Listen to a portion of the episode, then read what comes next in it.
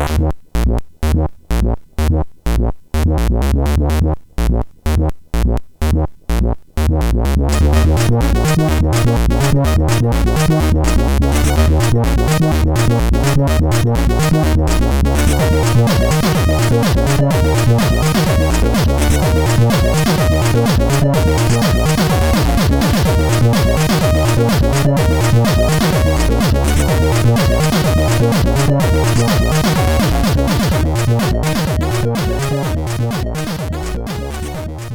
Sziasztok, ez itt a Checkpoint 6. évadának 13. adása. Hello, László! Szevasz, Töki! Hello, Sasa! Hello, Stökesz! Hitted volna, hogy ez történik, hogy elfogynak a konzervadások, és rögtön kapkodunk érte? Na, hát ez, de, mi, micsoda tragédia történt, nem amikor már így ráfanyalodsz, ezt tudod, ez amikor otthon vagy, hazaérsz a buli után, és így bármit találsz, a spájzban, meg a hűtőben, azt megeszed. Ez egy olyan érzés nekem. Na, nagyon szép napon hívtunk meg téged, pont ma van vége az indexnek, ahogy látom. Most egy pár, pár órás a hír, úgyhogy én már ittam is egy izét, ja. perospriccet, asszonyét elkezdtem pusztítani, itt egy másik. Hát, baszki. De belassítok, mert nem akarom, hogy bebaszós live legyen. Meg amúgy is beszéljünk inkább az Ocean Software-ről. Sokkal izgalmasabb téma, mint az Index. Ennél jobban szokta átkötni. hát, ma ennyire vagyok képes. Akkor beszéljünk az Ocean. Egyébként hiányzik ez az akkor meleg, hogy így nem ér össze a vállunk egy-egy összeröhögésnél, hanem így a távoli izé, mikrofon. Ne, nekem azt hiányzik, hogy, hogy így nem vagy ütés távolságban. De tulajdonképpen ugyanazt fogalmaztuk meg. meg. Igen, igen, igen. Ki hogy szereti a másikat? Na, szóval Ocean Software, az egyik weboldalon így azt találtam róla, így, hogy ez a 80-as évek IE-je volt, ami bizonyos értelemben egy találó megfogalmazás, de erre rímel az is, amit a egyik volt alkalmazott Jonathan Smith nyilatkozott a Retro Gamernek, hogy mindenki gyűlölt minket akkoriban. Kivéve a kis Sasa otthon, aki alig várta, hogy felbukkanjon a logó a videójátékok alján. Nem, mert itt a, a konkurensekre gondolt főleg, tehát Én nyilván nem a, a gamerekre. Úgyhogy, és hát ez egy nagyon jelentős játékkiadó volt, és aztán egyszer csak nagyon hirtelen lett vége, úgyhogy gondoltam, tuk, hogy jó lenne erről azért beszélni egy kicsit, mert nem csak a létező nagy játékkiadóknak szentelünk adást, hanem retro gaming podcast vagyunk, úgyhogy akár a már megszünteknek is. Úgyhogy Ocean Software.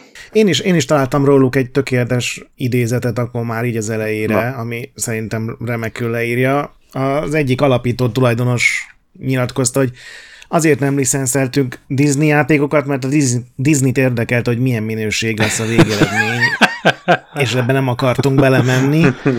Uh, nyilván még aztán hozzátette, hogy persze a, a részesedést is sokkal nagyobb lett volna, meg hogy a Disney milyen szigorú volt, de szerintem ez is sokat elmond az Oceanről, hogy uh, nagyon sok játékot adtak ki, és nem feltétlenül volt akadálya a megjelenéseknek, hogy egy-egy játék mondjuk nem egy tökéletes minőséget képvisel, vagy mondjuk az eredetiségnek a szikrája hát, sincs benne. Figyeltek én meg ugye abban az időben, amikor az Ocean ilyen tényleg IE szintű kiadó volt, vagy az IE-nek a jobb idejeit idézte, akkor, akkor, akkor én nekem, mint gamernek, ugye ez a 80-as évek eleje, közepe, az Ocean logó az egy minőséget jelentett, és a szónak nem a gameplay értelmében, hanem, hanem hogy, hogy azok voltak azok a játékok, ami jó fog kinézni. És hogy, hogy nézett ki? Igen. Hogy nézett ki? Tehát amikor így már ugye Spektrumon meg ö, úgy töltöttek a játékok, hogy mindig így rasteresen kezdtek kirajzolni, mint egy printer a, a főképernyőt, és amikor a, a, a Hunchback, vagy a Rambo, vagy a, a Platoonnak a, a, az Elias, hogy így esik el, amikor így cserben hagyja a Barnes a, a, a filmbe, és azok úgy rajzolódtak ki, és már azt mondom, hogy hát úristen, ennél jobb nincs a világon. És persze egy utóbb visszanézve azért száz játékokból mondjuk 15-20 az, amire azt mondom, hogy nem volt rossz, de, de akkor ez valahogy nem számított. Figyelj, én nekem már az a logó is úgy tetszett. Igen, hogy, a leg, legjobban kinéző logó volt. Otthon, otthon nekiálltam körzővel óső logót rajzolgatni, mert, mert annyira tetszett, hogy akartam egy nagy óső logót. És pont. De hát... Ja, bocs. Ja, és, és, hát, és a játékaikat is egyébként na, tökre szerettem akkor, és, és én meg voltam győződve, hogy az Ocean az egy, az egy minőség. Én is. És Most is azt gondolom, hogy az Ocean egy bizonyos minőséget képvisel. De, de pont mondtam a már azért árnyalom a véleményem. Igen, így visszanézve az, de pont mondtam a Gretnek, hogy tényleg talán az egyik olyan kiadó volt az életemben, a Bullfrog volt még ilyen, hogyha megláttam a logóját, akkor biztos voltam abban, hogy ez, ez, ez, ez, ez, ez tehát nem is azt néztem meg, hogy most mi a játék címe, hanem ú, ez Ocean, akkor másod fel a kazettára azonnal, két példányban nehogy szar Igen. legyen, mikor otthon be akarom tölteni. Kb. az első kiadó volt, aminek így megjegyeztem a nevét. Igen, Hogy igen. Van ilyen. De hát egyébként tényleg embertelen, mert ugye 82-től 96-ig tart a történet, nagyjából az mennyi? 14 év.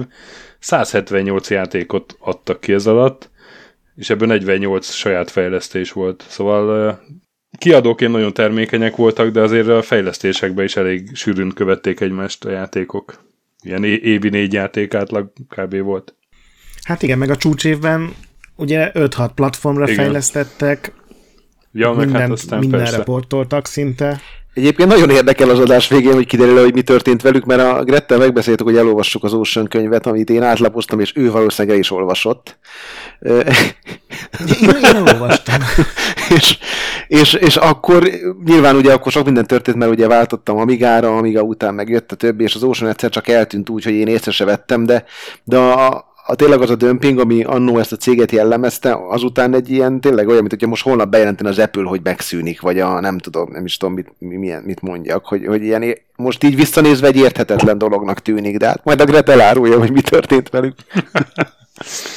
Na és hát a kul- kulcsemberek, az, vagy hát a kulcsember, ez a David Ward nevű Liverpooli ember, aki hát a társával John woods együtt alapította meg 82-ben az ocean viszont Manchesterben. És én ezt nem találtam meg, hogy miért mentek át Manchesterbe, ez, erről van infót, Gret?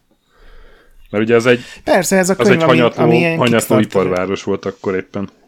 Igen, hát egyrészt vannak benne tök jó sztorik az alapítás előttről, hogy egyáltalán, mert ugye ez a két fickó, ez már amikor megalakult 82-83-ban azt hiszem hivatalosan a, ugye először Spectrum uh-huh. Games volt a nevük, akkor ezek már ilyen 35-40 fölötti meglett üzletemberek voltak. Tehát ez tip, nem az a tipikus Igen. 80-as évekbeli játékcég, ahol két 17 éves csávó ugye a nappaliban vagy a pincében csinál egy fasz a céget, hanem ők tehát ez a két alapító, ők azok, akik a teljesen antijáték figura, hogy sose játszottak, nem is érdekelték őket. Ez a, a Wardnak volt egy nyilatkozata, hogy tulajdonképpen fokrémet is árulhatnánk, mert csak el kell adni. De, de azt olvastad, nem hogy az a- előtte mivel szedték meg magukat? Ilyen, Igen, ilyen igen, afrikai igen. népviseletek, azok nagyon menők voltak Európában, és, és azzal így Marokkóból importálták meg innen-onnan. Hát nem is, Meg- hogy importálták, hanem egy Meg- Volkswagen mikrobusszal mentek le, kerültek. és igen, a Wardot egyszer lesittelték, mert nem fizetett vá- vámot. És akkor azt mondták, hogy ők voltak az elsők, akik ilyen folkruhát, meg ilyen afrikai dolgokat behoztak Angliába, amire mondjuk én nem tennék nagyobb összeget, hogy tényleg így volt, de Higgyük el. mondjuk azt, hogy így volt, igen, és aztán azt nyilatkozták, hogy annyira jól ment nekik, hogy, hogy minden más bolt is átvette ezt, és akkor onnantól kezdve már csökkent a profitjuk. És ez a Ward az egész családjával együtt négy évre Amerikába költözött, és ott nyitott egy nightclubot. Éreztem én, hogy lesz itt valami első pornó be... Hát ez ilyen táncos nightclub, szerintem ez még a 70-es évek legvége, 80-as évek legeleje, ez még ilyen szelíd hely volt, vagy idő. És az első héten bejelentkezett a he- helyi maffia, amire ő így utalt, hogy a, a, a lokál maffia, nem tudom, hogy ez konkrétan mit akart, és azt mondták, hogy akkor most innentől kezdve az lesz, hogy ők behoznak játéktermi gépeket a nightclubba, és 50%-os profit megosztással mindenki jól fog járni, és mivel a Ward nem akart verekedni, meg rendőröket hívni, meg rohadt jól jött neki ez a pénz, ott találkozott először ezekkel a Galaxiannal, meg a Pac-Man-nel, most töké azokkal, amikről ugye Igen, nemrég igen. beszéltünk ezekről a klasszikus 85 előtti játékokról, és annyira jól ment, hogy néhány hónap után már több pénzt hozott a, a játéktermi játékbiznisz, mint a, a bárpult, ugye, ami minden ilyen diszkóban, meg, meg nightclubban azért a legjobb fő profit center. És ezért volt az, hogy amikor visszatért Angliába, és megint találkozott a régi haverjával, a, John Wood. John Wood, igen, akkor uh, kitalálták, hogy uh, valami ilyesmit kéne csinálni, csak ugye teljesen más volt az amerikai meg az angol piac, uh, és akkor találkoztak azzal, hogy gyakorlatilag Nagy-Britanniában Liverpool a központja ennek az egésznek. Ugye ott volt az Imagine, ott volt a Bugbyte, a Software Projects. Azért költöztek pont Manchesterbe, mert nem akartak ezekkel vetélkedni, mert ugye hogy úgy voltak vele, hogy a, egyrészt a legjobb helyi programozókat már úgyis lefölözték ezek a cégek, és akkor inkább nem akartak velük a legelején így se összeveszni, se egy ilyen pici kupac emberből válogatni, úgyhogy inkább elmentek egy olyan városba, ahol nem volt semmilyen helyi konkurenciájuk, és, és ez ugye Manchester És ott rögtön volt. egy ilyen egy kiadót alapítottak, tehát hogy ők, ők, ők rögtön az volt az üzleti terv, hogy, hogy a Nagy-Britannia szerte a játékprogramozókat megpróbálják összegyűjteni, így, így saját ernyőjük alá terelni, és azért 82-ben ez egy előremutató gondolat volt, és nekem az Ocean történetében mondjuk így a 90-es évek elejéig, vagy inkább 80-as évek végéig, az egy ilyen visszatérő elem, hogy tök jól ráéreztek az éppen menő trendekre, meg hogy mit kell csinálni a piacon. Egyébként, bocsánat, de hogy hát meg... igen, mert ugye 82-ben jelent meg a Spektrum, és azért ott ők rögtön zászlós hajók voltak, vagy rögtön beleugrottak ebbe, vagy nem éreztem azt, hogy most akkor megjelenik egy platform, és kivárnak, mert már abban az évben mm. volt játékuk. Igen, de az a vicces, hogy ez ugye Spectrum Gamesként alapították az egészet, és, és ez nem az a Spectrumról nevezték el, hanem úgy gondolták, hogy így a játékok széles spektrumát adják, és ez rengeteg félreértés adott okot, és ezért nevezték át aztán Oceanre a céget. Igen, hát ugye az Imagine volt az, aki be, behívta ezeket a nagy retailer cégeket is ebben, hogy áruljanak szoftvert, és ott bejött egy ilyen bizonyos fokú professzionalizmus ezekkel, ugye, hogy ott már nem csak ilyen lelkes csávóknak kellett eladni, hanem öltönyös embereknek, és akkor ott szóltak nekik több helyen, hogy a, a VIC-20, hogy a Commodore-nak a 64 előtti gépe, az a piacnak a jó 50%-a, és hogy ők nem fognak venni Spectrum Games logós cuccokat, mert hogy, uh-huh. hogy itt osztályharc zajlik.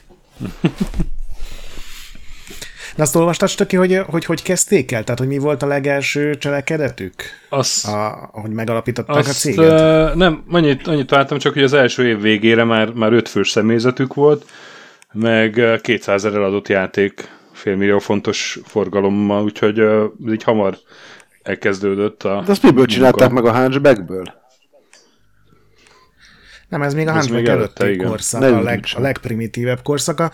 De milyen platform Úgy kezdődött a, hogy hát ez az, hogy ketten megalapították az ocean hogy egyik sem tudott, nem az, hogy programozni nem tudtak, mert ez egy dolog, de hogy, hogy nem is játszottak, és igazából még számítógépük sem nagyon volt ilyen magáncélra, úgyhogy kitalálták azt, hogy rajzolnak egy hirdetést négy kamujátékkal, és be kell x alatta, hogy milyen platformra vennéd meg, és uh, volt ez a Your Computer nevű játékmagazin, ami akkor a legjobban menő volt, és fél évre megvették a B4-et, uh-huh. Mhm. az ugye a külső hátsó borító, az a legrangosabb, vagy az egyik legrangosabb ilyen fej, uh, hirdetési oldal, és ott hirdették ezt a négy nem létező játékot, uh, amiket a Warnak az amerikai játéktermi tapasztalatai alapján találtak ki. Volt egy Cosmic Invaders, megtaláltam a reklámot egyébként, majd lehet stöki elküldöm, aztán fölrakod, ugye ami a, nyilván Space Invaders klón volt, volt a Road Frog, Road ami Frog, a Frogger. hogy azért, amikor így, Aztán a... így dübörögnek a, dübörögnek a, a brainstormingon az ötletek. Meg se erőltették magukat. Igen. Aztán a Rocket Command, ami nyilván a Missile Commandnak volt a, a közeli rokona, és a Monster Launcher, ami mondjuk ping is lehetett volna, mert négy szellem elől kellett benne menekülni egy kis sárga lényel, és zabálni pöttyöket a pályán. Mondjuk a pályafutásokra jellemző, hogy néhány játékot pofátlanul átvettek úgy, hogy tulajdonképpen átnevezték. Igen, de, de hogy, hogy ezek tényleg ilyen komolyabb, és, és már volt üzletemberi múltjuk, rengeteg visszajelzés érkezett be, volt, aki megrendelte a, magát a játékot is, de volt, aki csak így beixelte, hogy milyen gépre mm. érdekelni őket, és ebből találták ki. Tehát ez egy ilyen piackutatás volt tulajdonképpen félig meddig, hogy melyik gépek azok, amik népszerűek, és mire éri meg fejleszteni, és ezért nem volt például BBC Micro-ra, meg MSX-re nagyon Ocean játék, szerintem egyáltalán nem, de most lehet, hogy egy-két port született később, mert hogy ebből az jött ki, hogy, hogy azok a platformok nem léteznek, vagy, vagy nem érdekli az embereket, és aztán uh, ugyanúgy, ahogy a Stöki mondta, fölvettek random egyetemista, meg lelkes programozókat, akik a maguk kedvéért írtak uh, mindenféle, mint mondjuk mi Psychomman, mm. vagy, vagy uh, Pac-Man klónokat, és egyszerűen megvették tőlük a játékot pár száz fontért, átírták a nevet a hirdetett névre, tehát a Cosmic Invaders is így született, hogy egy random egyetemistának a saját keftelésből megírt programját megvették és átnevezték, és ez, ez volt az, amit a Stöki mondott, hogy eladtak ebből 200 ezeret, ami azért nem semmi, hogy, hogy ez az abszolút igénytelen klónok, vagy hát nem tudom, hogy igénytelenek voltak a játékok, de hogy maga igen, ez kicsit olyan, mint amikor régen a kínai vettél, tudod, egy ilyen Nintendo-ra jellemző konzolt, amiben volt egy kazetta, amiben benne voltak ugyanazok a játékok nagyjából, csak ilyen full Igen. gagyi módon összerakva. Tegnap láttam, hogy Switch néven uh, és lehet kapni egy ilyen sárga, kék, lecsatolható, kontrolleres kínai konzolt, úgyhogy az is igen. Amikor megrendeled az Airpods-ot az Ali, AliExpress-re 15 dollárért, és uh, amíg a füledbe bedugod, addig lemerül, meg. igen. Hát az Ocean első éve az az Adiadj Igen, volt a, a pumák, tudod, ami nem puma volt, hanem valami más állat ugrod, meg. Igen. Én egyébként, mint játék, én a Hatchback-kel találkoztam először, ugye az 83, én nem is tudtam, hogy 82-ben volt egy Android nevű játékuk, tehát hogy most így kicsit fölkészültem, akkor ez volt az első, amit így megtaláltam, amit már így, így, így talán a nevükhöz írnak. De fogalmam nincs miatt. Igen, hát nagyjából három ilyen korszaka volt ennek a korai Oceannek. Volt ez a legelső, mm. amiről beszéltünk, hogy csak ezek a random, tök amatőr játékok, amik mind klónok, és csak úgy kiadták, aztán kezdődött, ahogy mondtad, a Hunchback-kel, ami egy 83-as játéktermi játék, tehát ez volt az első, amit hivatalosan licenszeltek, amiért már tényleg fizettek.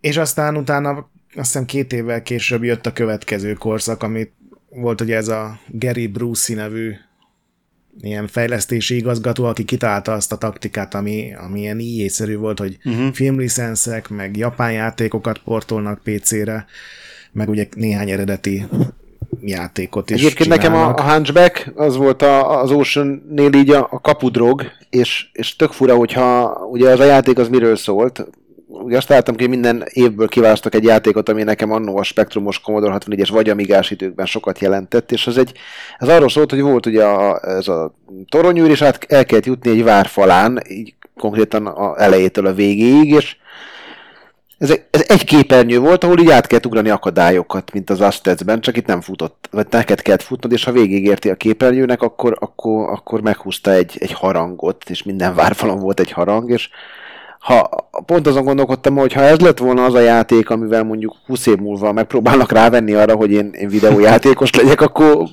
biztos, hogy mást választok, mert, mert és ennek volt folytatása is, ami, ami még borzalmasabb volt. Szóval nagyon furcsa, hogy akkor még ez is lement a, a torkomon. Gondolom ez a stök is játszott. Imádtam. Abszolút, imádtam a Hunchback-et én is. C16-on játszottam vele hogy... szerintem. Igen, az volt. Ami... Azt tudtátok, hogy ez ilyen nem, nem, eredetileg nem is a Notre Dame toronyőrnek a sztoria volt, hanem ezért Robin Hood játék igen, volt? Igen. És azért van benne zöld Hát ruhája. Spektrumon nem Csak volt feltétlen zöld, mert az mindig olyan színű volt, amilyen izé, pixelek előtt állt éppen a karakter. De... Hát a, ját, a játéktermi verziót láttam csak. Nézd meg a spektrumosat, és, és nem fogod megérteni, volt. hogy hogy jutottam el addig, hogy még ma is videójátékokról beszélgetünk. És szóval Robin Hood játéknak készült, csak a kiadó megmondta az egyszem fejlesztő csapatnak, vagy egy egyfős fejlesztő csapatnak, hogy, hogy inkább legyen Notre Dame toronyőr, és annyira megsértődött a fickó, hogy lelépett, és nem tudtak belenyúlni a kódba annyira, hogy átrajzolják a sprite-ot, meg csináljanak egy új pályát, mert azt volt egy olyan rész, amikor így íjászkodni kellett, az lehet, hogy mondjuk a pont a portokban nem került. Hát a spektrumosban csak futni kellett balról és jobbra, helyett, szerintem a végéig. A, a játéktermében volt futós mellett ilyen lövöldözős pálya is, Úgyhogy csak annyit tudtak csinálni, hogy egy új címképernyőt rajzoltak a programnak, úgyhogy e- ezért lett Hunchback. Az egyébként jól nézett ki, apám is mindig bejött, hú, hát ez, ez, ez biztos jó lesz. Aztán utána, amikor meglátta, hogy mit csinálnak, akkor kifordult a szobámból azonnal, és fogta a fejét. Hát igen, pedig erre még biztos akkor találnánk olyan magazinkritikát, ami azt mondta, hogy fotorealisztikus már a hát Figyeljetek, én megnéztem így nagyjából, a, amihez volt review, vagy értékelés, ugye összeszedték, hogy mondjuk Amigán, meg C64-en milyen értékeléseket kapott, és, és egy csomó nagyon rossz játék kapott ilyen hét fölötti értékeléseket, tehát szerintem a Hunchback sem lett széttépve, mert lehet, hogy abban az időben, meg ráadásul ugye Spectrumon azért az induláskor az valószínűleg egy nagy számnak számított. Tehát én nem ismerek olyan spektrumost, aki Igen, ne futott volna bele. Szem. Vagy akár C16-ost, vagy... Igen, dicsérték, hogy, hogy meg ugye a Commodore 64-nek is az egyik, ilyen, még az első vagy második évében, mert ugye 84-ben jött ki ezekre a számítógépekre, tehát az a Commodore 64-nek mm-hmm. is a legeleje. És ott is találtam olyan kritikát, ami azt mondta, hogy ez a legjobb arcade játék, mm-hmm. mert ugye akkor ez egy ilyen külön külön taktik, vagy külön műfaj volt, hogy ez a legjobb arcade játék jelenleg Commodore 64 hogy gyors, jól néz ki, remek akció. Na, kicsit, kicsit nehéz. C60, C64-en akkoriban nekem a Diligence Gold volt a, a kedvenc ósai játékom. Ilyen uh, aranyásóval kellett arany zsákokat talicskázni, és közben menekülni a rablók elől mindenféle étrákon. Uh-huh. És neked csak melyik volt az első Ocean játék, aminél már odafigyelti, hogy Ocean játék, mert nekem a következő évben a, a Decathlon című játék volt ne, az, ami, ami, ami... Nekem a, nekem a Batman, a, a képregényes Batman, a, a milyen, milyen, kép, milyen képer.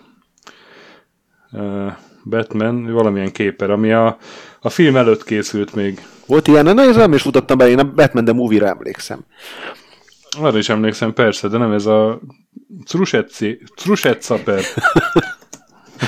Nyilván így hívtuk. Nálam az első, a, a, amit így... Nem, Caped, Caped Trusader. Caped Trusader. És ez Batman? Annak több értelme van, ugye? Az már, az már Igen. Batman, Caped Trusader. Nekem a, a, a, a bocsánat, még, a, az, akkor ezt elvarom ezt a szállat, nekem tényleg a, a, a ez a Daily Thompson Decathlon volt, amit onnan jegyeztem meg, hogy két pofon kísérletében egy új joystickot kellett apámtól kísírnom, eh, ami már mikrokapcsolós és bírja a gyűrődést. Igen? Csak egy sztori, ami még ezelőtti, csak gyorsan elmondom, mert a könyvben szerintem ez volt messze a legfaszább sztori. Volt egy olyan játékuk, aminek az volt a címe, hogy Chinese Azzal is játszottam. Ami szerintem nekem megvolt, ugye ilyen uh-huh. tányérokat kellett botokon pörgetni, és ugye ide-oda kell ugrani, hogy mindegyik pörögjön. Ne essenek le a tányérok. Amennyire csak lehet. Igen, ezt, ezt most tudtam meg, hogy ezt az a David Bishop tervezte, aki később az Aladdin-t, vagy a Toonstruck-ot, de várjál, de ez egy Novotrade játék volt. Szerintem, Szerintem ez nem egy Novotrade játék volt. Ez, ez egy ugyanaz a neve lehetett, de ez, ez egy másik játék de volt, volt szerintem. Volt egy Chinese Csak Juggler nevű Novotrade játék, ez 100%. Igen. De hogy ugyanolyan néve volt egy Igen. másik Chinese Szerintem Yeah. Igen. Legalábbis itt azt írta mindenki, hogy a, a designer ez a David Bishop. A könyv az első, uh, lehet azt... ilyen, tényleg az első képek egyike a, a Chinese juggler a, a, ebbe a, az Ocean History könyvbe. Mert a, Igen, az mondjuk lehet. Mert a, a David Bishop együtt dolgozott a, a, izé, ugye a...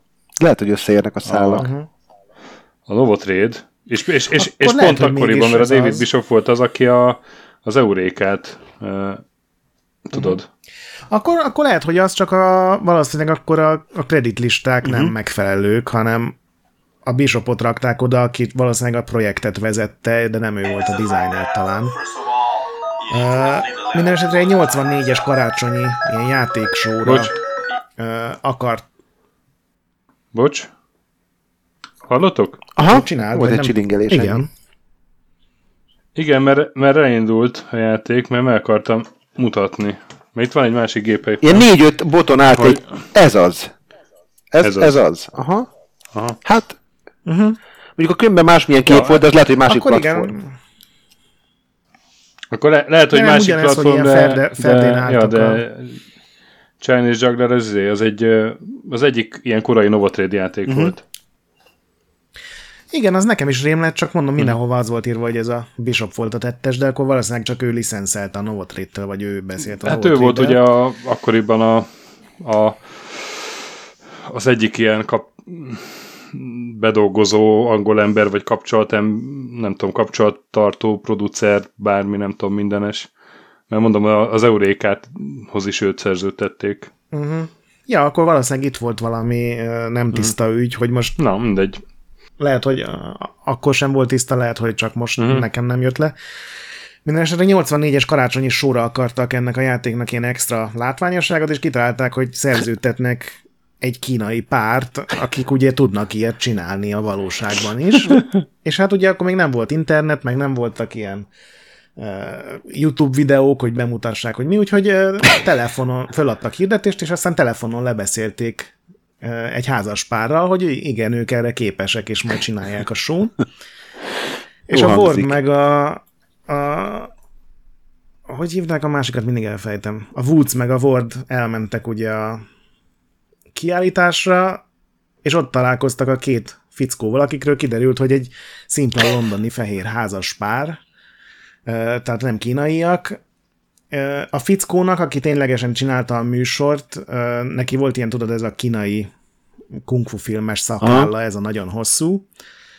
A felesége meg egy ilyen 70 fölötti túlsúlyos nő volt, aki egy bikiniben táncolt körülötte, és azt mondták, hogy annyira röhögtek, amikor meglátták a műsort, hogy majdnem leestek a színpadról. Nagyon sajnálom, hogy ez így nem maradt fönn semmilyen módon, mert, mert eléggé látványos előadás lehetett, amikor ez megtörtént. És akkor utána jött a Hunchback, ezek szerint. Hát ez még mind a 84, és 84 volt ugye, amit te mondtál az olimpiára időzítve, ez a Daily Thompson's Decathlon. Igen, és a, a, a, egyébként Ami... az, az, az, nem volt egy rossz játék, én, én azt gondolom. Szerintem ez egy olyan játék, amivel mindenki játszott, szerintem a stöki is. Ugye egyetlen egy problémája Olyan, volt vele, Olyan. hogy ugye minden játék azon arra alapult, hogy a joystickot rángatod, mint az őrült, ugye a Spectrum meg a C64-en irányok voltak, meg egyetlen gomb, és akkor a megfelelő időpillanatban meg kell nyomni a gombot, Igen. és akinek nem mikrokapcsolós joystickja volt, annak két hetet bírt ki a joystick, akinek meg mikrokapcsolós, az esetleg még, még karácsonyig kihúzta, és akkor tudott kérni egy újat.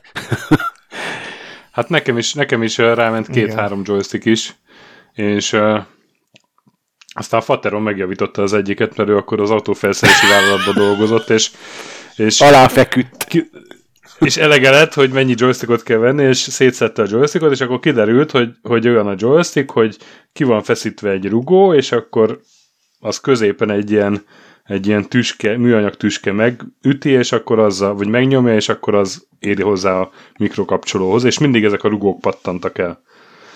És akkor a fater az, az valami valami fémlemezt oda rakott, ami, ami aztán nem pattant el, de olyan kurva nehéz volt azt, azt benyomni, hogy azzal, azzal dekatlonozni, az egy komoly izé, ilyen kardió, vagy nem is tudom, ilyen komoly uh, ilyen széria gyakorlat volt. Ap- apádnak megmondani, hogy ez nem a tökéletes megoldás, az olyan, mint mikor Fodrász megkérdezi, hogy jó lehet el, és azt mondod, hogy persze, jó, de aztán utána otthon már fogod a fejed a villamoson, hogy hogy megölöd le otthon. Igen, de hát persze megvan a Decathlon, én ezt nagyon szerettem, és, és nem, az, egy, az egyik a játék, hogy ma már fel nem tudom fogni, hogy miért szerettem azt. Hát ez egy borzalmas irányítású játék volt. Egyébként és azt mosogtam össze, hogy azt mondta, hogy ez az olimpiára készült, Gret. Hát ugye a Track and Field, a Konami csinálta a játéktermigépet, és játékteremben kicsit stabilabbak voltak ezek, tehát ott jobban mhm. működött. Uh-huh. Ez, és ez a Decathlon ez tulajdonképpen ennek volt egy nem licenszert klónja, és igen, ezt a, akkor hiszem Los Angelesben volt az olimpia, és arra időzítve adták ki, és iszonyatos siker lett. Tehát ez volt az Oceannek az első tényleg sikeres játéka. Találtam egy olyan adatot, hogy több hónapig az első volt Nagy-Britanniában az eladási listákon, és volt olyan hét, amikor jobban fogyott, mint a top 20-ban a többi 19 cím együtt, úgyhogy ez iszonyatosan nagy siker volt, és ez adta nekik azt a pénzt, amivel aztán ugye elkezdtek vadul licenszálni. A kisasa meg tudod, otthon ült, látta a Daily Thompson kijelzőt, a kijelzőn tudod, hogy kirajzolódik a, a, ennek a sportolónak a neve is, fogalma nem volt ő egyébként, hogy milyen sportoló, hogy atléta, hogy semmit nem tudtam róla, csak azt, hogy hát ez egy, ez egy, ez egy tök jó játék. De egyébként nekem ebben az évben a kedvencem a, a visszakanyarodva kisazsához a Mr. Wimpy volt,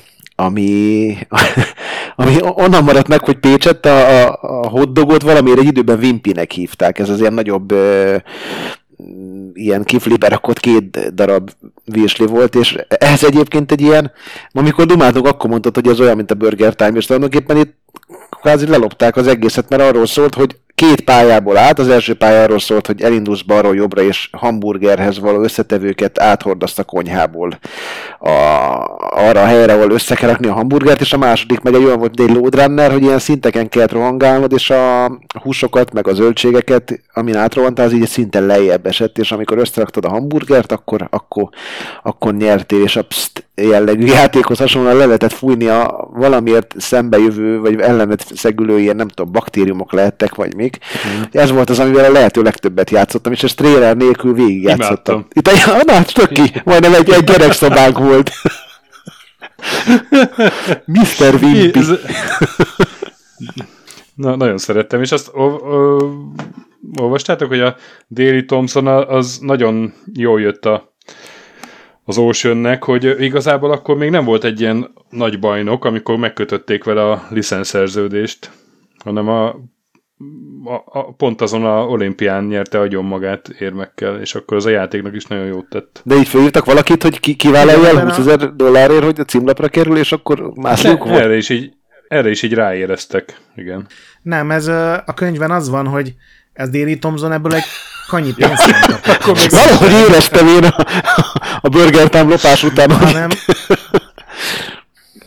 nem, azért fizettek, tehát nem neki, hanem volt valamilyen sportolói, nem tudom, milyen egylet, aki ugye intézte ezeket a dolgokat, és ott megkérdezték, hogy ki a legolcsóbb olimpikon, aki ugye azokban a sportokban vesz részt, ami a játékban szerepel, és akkor ez a déli Thompson volt, mert ahogy aki mondta, az olimpia előtt senki nem ismerte, hmm. mert hát nem ismerte senki, és ilyen pár ezer fontot fizettek neki, ami egy az egyben ennek az egyletnek ment.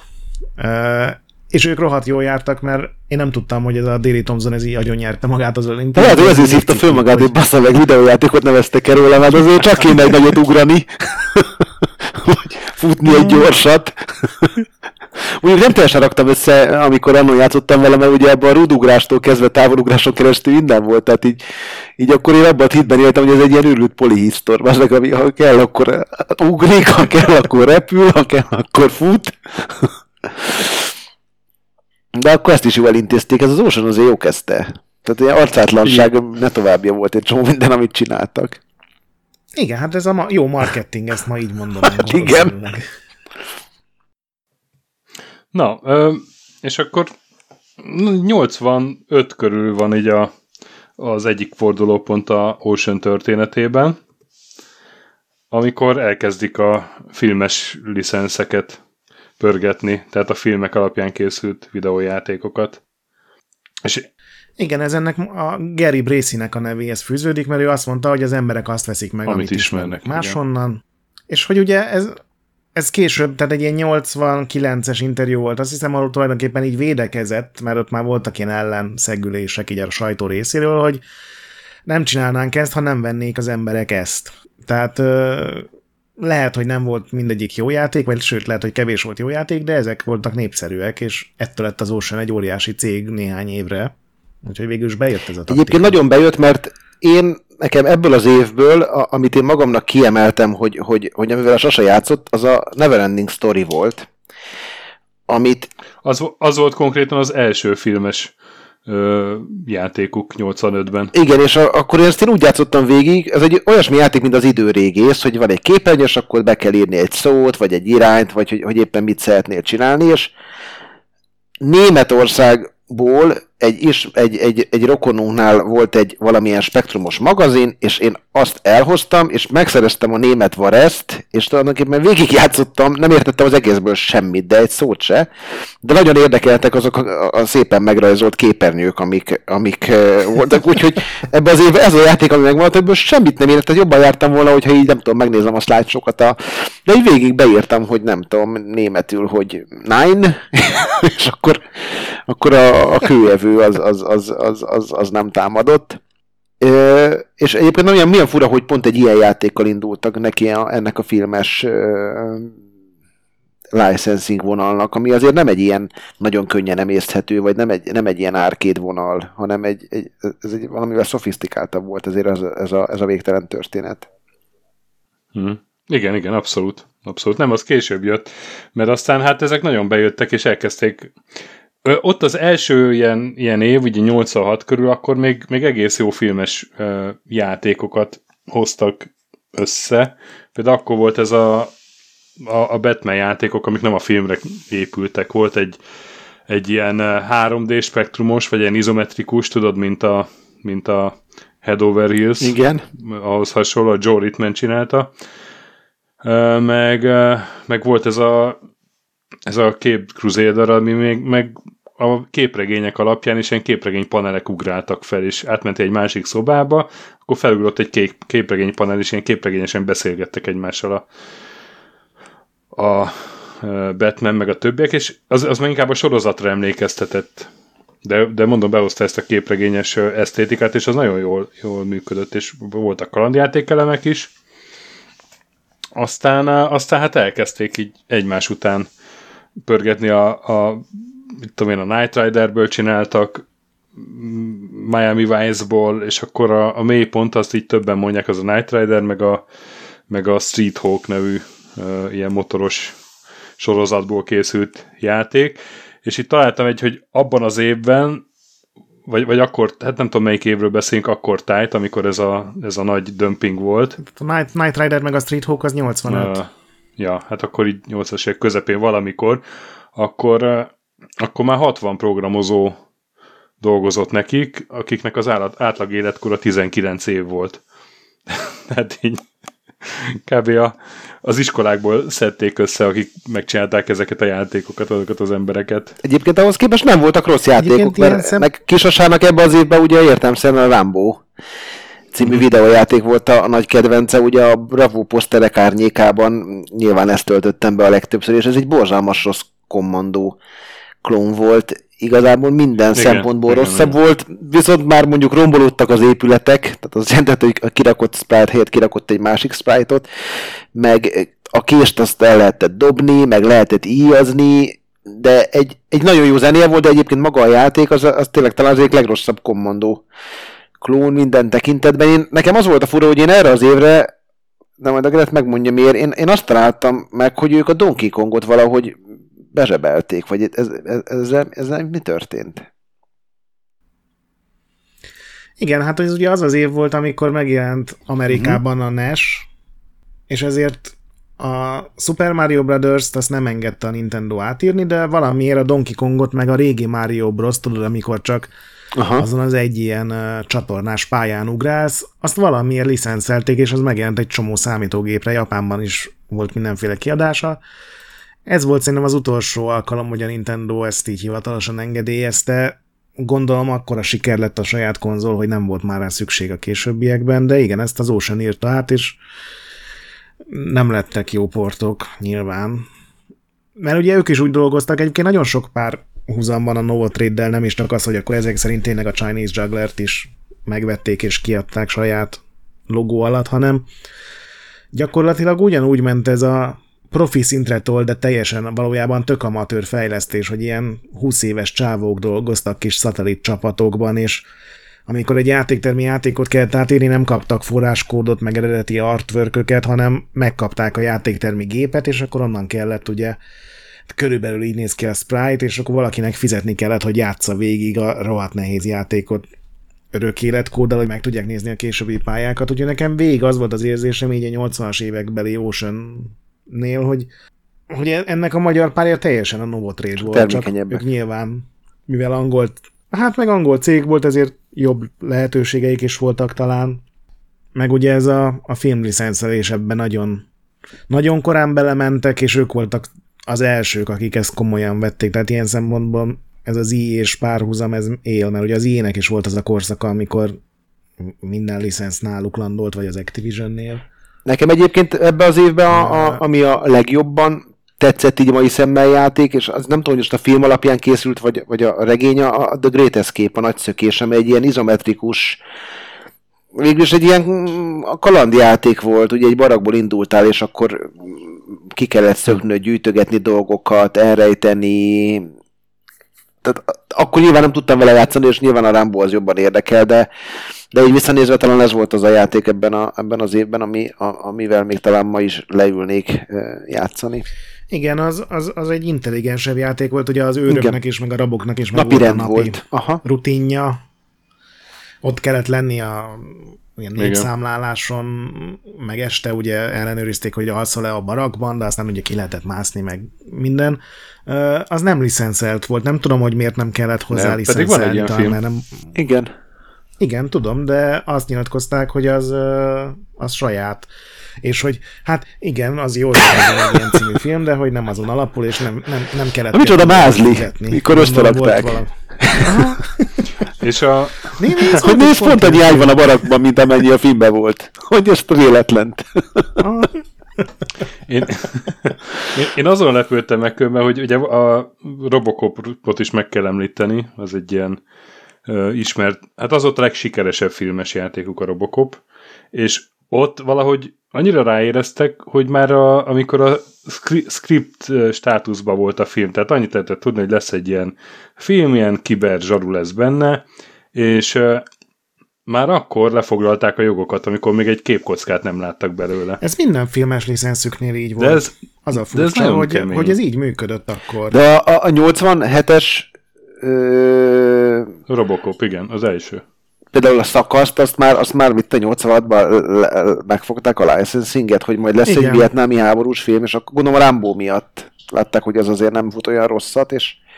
A, igen, a Platoon, a szakasz azt azért tudták megvenni, mert az amerikai cégek nem voltak hajlandók hozzányúlni, mert az még akkor ilyen félig meddig tabu téma volt, és senki nem akart belőle játékot de hogy, csinálni. Hogy amikor csak a forgatókönyv van meg, az azért igen, az, az, az, az összes filmes licensz az volt, és a legnagyobb ráfaragás ebben ez a Hudson Hawk volt, amit én nem láttam, mint film. Az Arról majd mesélek, film, mert meg a stöki biztos egy...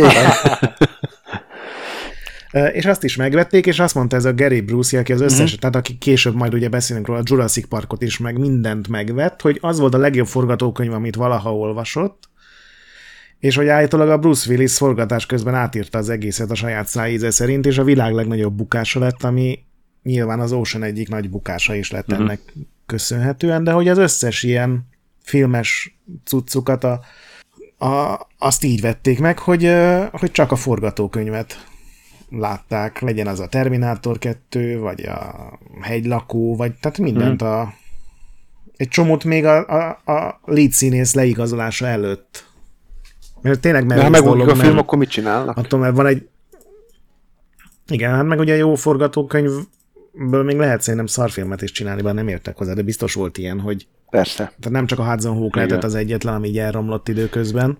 És aztán a, a Batman film az 89 a első Tim Burton? 89. Egyébként a, hogy amikor, igen, a, amikor a, abból csinálták a játékot, akkor már akkora májerek voltak, hogy így szinte minden nap kimentek a forgatásra, és nézték, hogy... Igen, csak nem a fejlesztők, hanem hát igen. Bruce meg a cégvezetők. Elmeséltem, mi volt Cégvezetők menőzni.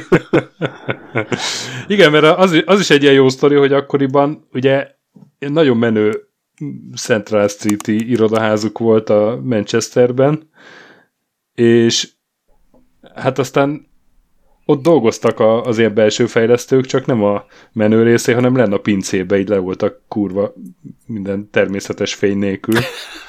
nem is kell, mert csak zavar a fény a programozásba. És az a, és, és hát a, az a épület, az egy ilyen temetkezési helyre épült rá, ők meg így nem voltak a pincébe, és ezzel, ez ilyen állandó poénforrás volt, hogy ilyen éjszakai túlóráknál nem érezték magukat egyedül, Rahol. Igen, meg a bagokat is a Igen. szellemekre fogták, hogy átkozott a hely. De egyébként ebben az időszakban nekem így visszanézve azt tűnt fel, hogy az itt próbáltak igényesebb, ugye 87-ben jött a szakasz, meg ugye abban az évben jelent meg a Head Over Heels, ami egy ilyen örök klasszikussá vált, de a, a filmadaptációknál nekem azt tűnt fel, hogy a szakasz például próbált így játékabb lenni, mint mondjuk az előtte lévő adaptációik, mert ez már ilyen három zsánert kevert. Volt egy ilyen balról jobbra scrollozós lövöldözős rész, volt egy dunkló, mikor bebújtál így a, a, a föld alatti bunkerekbe, akkor volt egy ilyen, hát mentél, mint a Doomba, és ha valaki megjelent, akkor a joystickkal egy, egy célkeresztre le kellett, le kellett lőni, és a, volt egy olyan szakasz, ami olyan volt, mint a kontrában ezek a boss fightok, amikor tudod szembe van a, a boss, és te balra, jobbra, előre, hátra rohangálva lősz előre, ja. és ez, ez így Hát ez volt, a, Már ez volt az. Ocean recept. Igen. Mert aztán ezt így a, a Terminator 2 is ilyen, ilyesmi játék volt, meg a Batman is, hogy, hogy volt olyan pálya, ahol Batmannel mászkáltál, volt olyan, ahol a, a Batmobillal kellett Igen. autózni, meg volt olyan, ahol a repülővel kellett a mérgező lufikat összegyűjteni. Tehát, hogy így próbáltak több uh, ilyen kvázi mini játékot összegyúrni, hogy akkor valamelyik csak tetszik a játékosnak. Igen, két-három eltérő pályatípus, és azzal már a legtöbb akciófilmet föl lehet. De ahhoz volt érzékű, hogy a legcoolabb Igen, jeleneteket vegyék át, mert ugye a Batman filmben, amikor kilövi a, a Batmobile a csákját, és befordul a, az éles kanyarban, az, azt a játékban, hát alig vártam, hogy jöjjön egy éles kanyar. Hát Életemben nem vártam még úgy éles kanyart, mint a Batmanekben, és akkor ott kilőtte, és akkor befordultál, és azt mondta, hogy na, az meg, én vagyok Batman. De az már azért kicsit később volt. Ö, Igen, igen, igen. Hát ez 89. Igen, ez volt szerintem a csúcs, csúcskorszak, ez a 86-tól Igen, 90-ig igen, így mondjuk, amikor, amikor a legtöbb játékuk sikeres filmen alapult, vagy sikeres japán játéktermi, mert ugye arról még nem beszéltünk, de a másik nagy Ocean mutatvány, ez ugye az volt, hogy először a Taito-nak, aztán később a Taito-nak, meg még néhány Épp- japán Meg aztán, cégnek meg aztán megszerezték Data a... Igen, igen, igen. Meg volt Capcom játékuk is pár, hogy ezeket valahogy meg tudták szerezni, tehát nem csak a Batman film forgatására jártak kis múzolni, hanem Igen. Japánba is egy csomószor ki kellett menni. Ugye a és Re- Renegade volt egy ilyen van- siker. A Hát, Hát és nagyon egyébként ezek nem voltak a sportok. A New Zealand Story, Operation, Operation Wolf, New Zealand Story, igen. Hát ugye a Arkanoid, a Chase Mhm. HQ, a Igen. Bubble Bubble, Bobble, tényleg. Midnight Resistance, amit és amikor a Amigára kezdtek fejleszteni, De- akkor azért a, a, a, a Pang az, az, egy, az, egy, az egy zseniális sport volt. Szerintem jobb volt, mint a játéktermi. Igen. Nálam egyébként ezt a korszakot még az Igen. Operation Wolf határozta meg, hogy, hogy egy, egy játéktermi lézerpisztolyos játékot, hogy hogy képes az, egy ember egy spektrumon vagy egy C64-en joystickkal irányítani, ez, ez, de hogy, hogy, hogy irányítottuk. Mondjuk nekem szent meggyőződésem volt, hogy a trénereket azt a fejlesztők ráteszik, mert pontosan tudják, hogy ezt anélkül esélye nem lesz végigjátszani. És, és ez volt az a korszak, Hát amikor, uh, amikor arra is rámentek, hogy jó, hát akkor legyenek azért saját fejlesztések is, és, és akkor volt ez a Head Over Heels, az is olyan 87-es, meg a, Igen. a másik, másik ilyen nagy durranások a Wizball volt, ugye, amit Grettel egyik minibe ki Igen, ezek nem saját fejlesztések, ha, be, ha de ezek nem saját fejlesztések a klasszikus értelmében, hanem ezek O- olyan angol- értelemben, hogy az angol angol vagy brit fejlesztő csapatokat. igen, persze. Persze, de De még csak nem is karolták föl ezeket, hanem hogy ők voltak a kiadó, ami akkor még így nem sok mindennel járt. Tehát ugye a Wizbolt azt a Sensible Software csinálta, akik minden játékukra más kiadóval szerződtek, Mhm. aki a legtöbb pénzt ajánlotta. Tehát ők nem voltak az jó, a Oceannek- Wizball az nem jó példa, de a Head Over Heels az egy ilyen egyszemélyes fejlesztő csinálta, és Igen, az a és John aki, Wickman, aki aki, a, meg nem tudom a hányadik. Ocean játéka volt ez már, de hát, jó, hát akkor lehet, hogy nem a Oceannek dolgozott, de gyakorlatilag meg, meg igen, tehát mint amikor a Bungie dolgozott a Igen, de például a, Microsoftnak. Hát Nem, mert akkor az- az az ő tulajdonuk volt Jó a van, cég. van, akkor elbasztam. Mindegy, ez, ezek voltak azok az évek, amikor, amikor tényleg a, Igen, tehát ugye a Wormsot is ők amikor adták tényleg az Ocean, amikor tényleg az Ocean Eleven volt. Hogy mondjuk látod az arcát, tehát azért ez, erre készültél, baszod? Vagy, vagy ez jött? Ez Mutasd meg a post-itet a a, a monitorodra, tép, tép le, és, és, és tartsd bele a kamerába.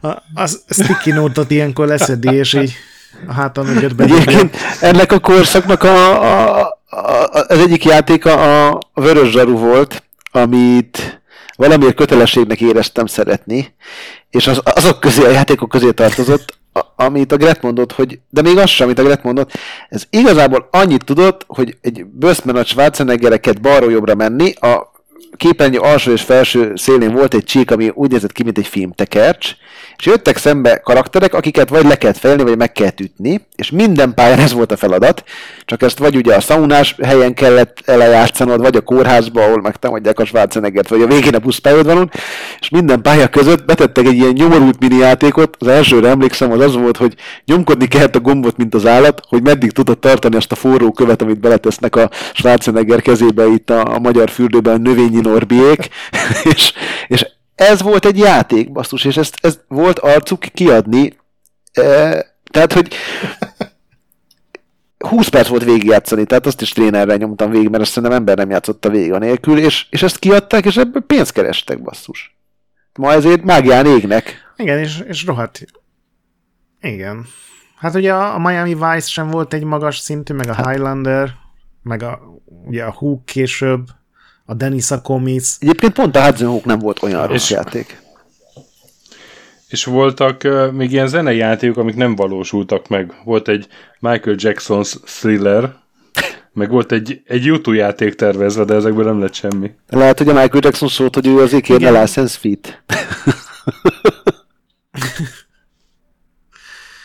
Igen. Hát mert ugye ez is az volt, hogy mit ismernek az emberek, a filmeket, meg a tévésorozatokat, meg a zenéket, és ez az ág nem valósulnak. De szerintem így sorozatból se csináltak jót igazán, mert a néhány filmfeldolgozásuk lett teljesen jó, és az, hogy mi, mi lett sikeres, meg mi nem, az nem feltétlenül függ össze. Mondjuk a Robot az, az első feldolgozása az szerintem jó volt, az, amíg én is játszottam. Már nem tudom, hogy nem, jó volt, Igen, akkor szerettük ezeket. Nekem ott a három volt az első 3D-s játék, ami így rém, felrém lett, ami, amit úgy igazán élveztem, és az, az nagyon tetszett. Majd eljutunk gondolom oda is, mert az, az jó, a később van.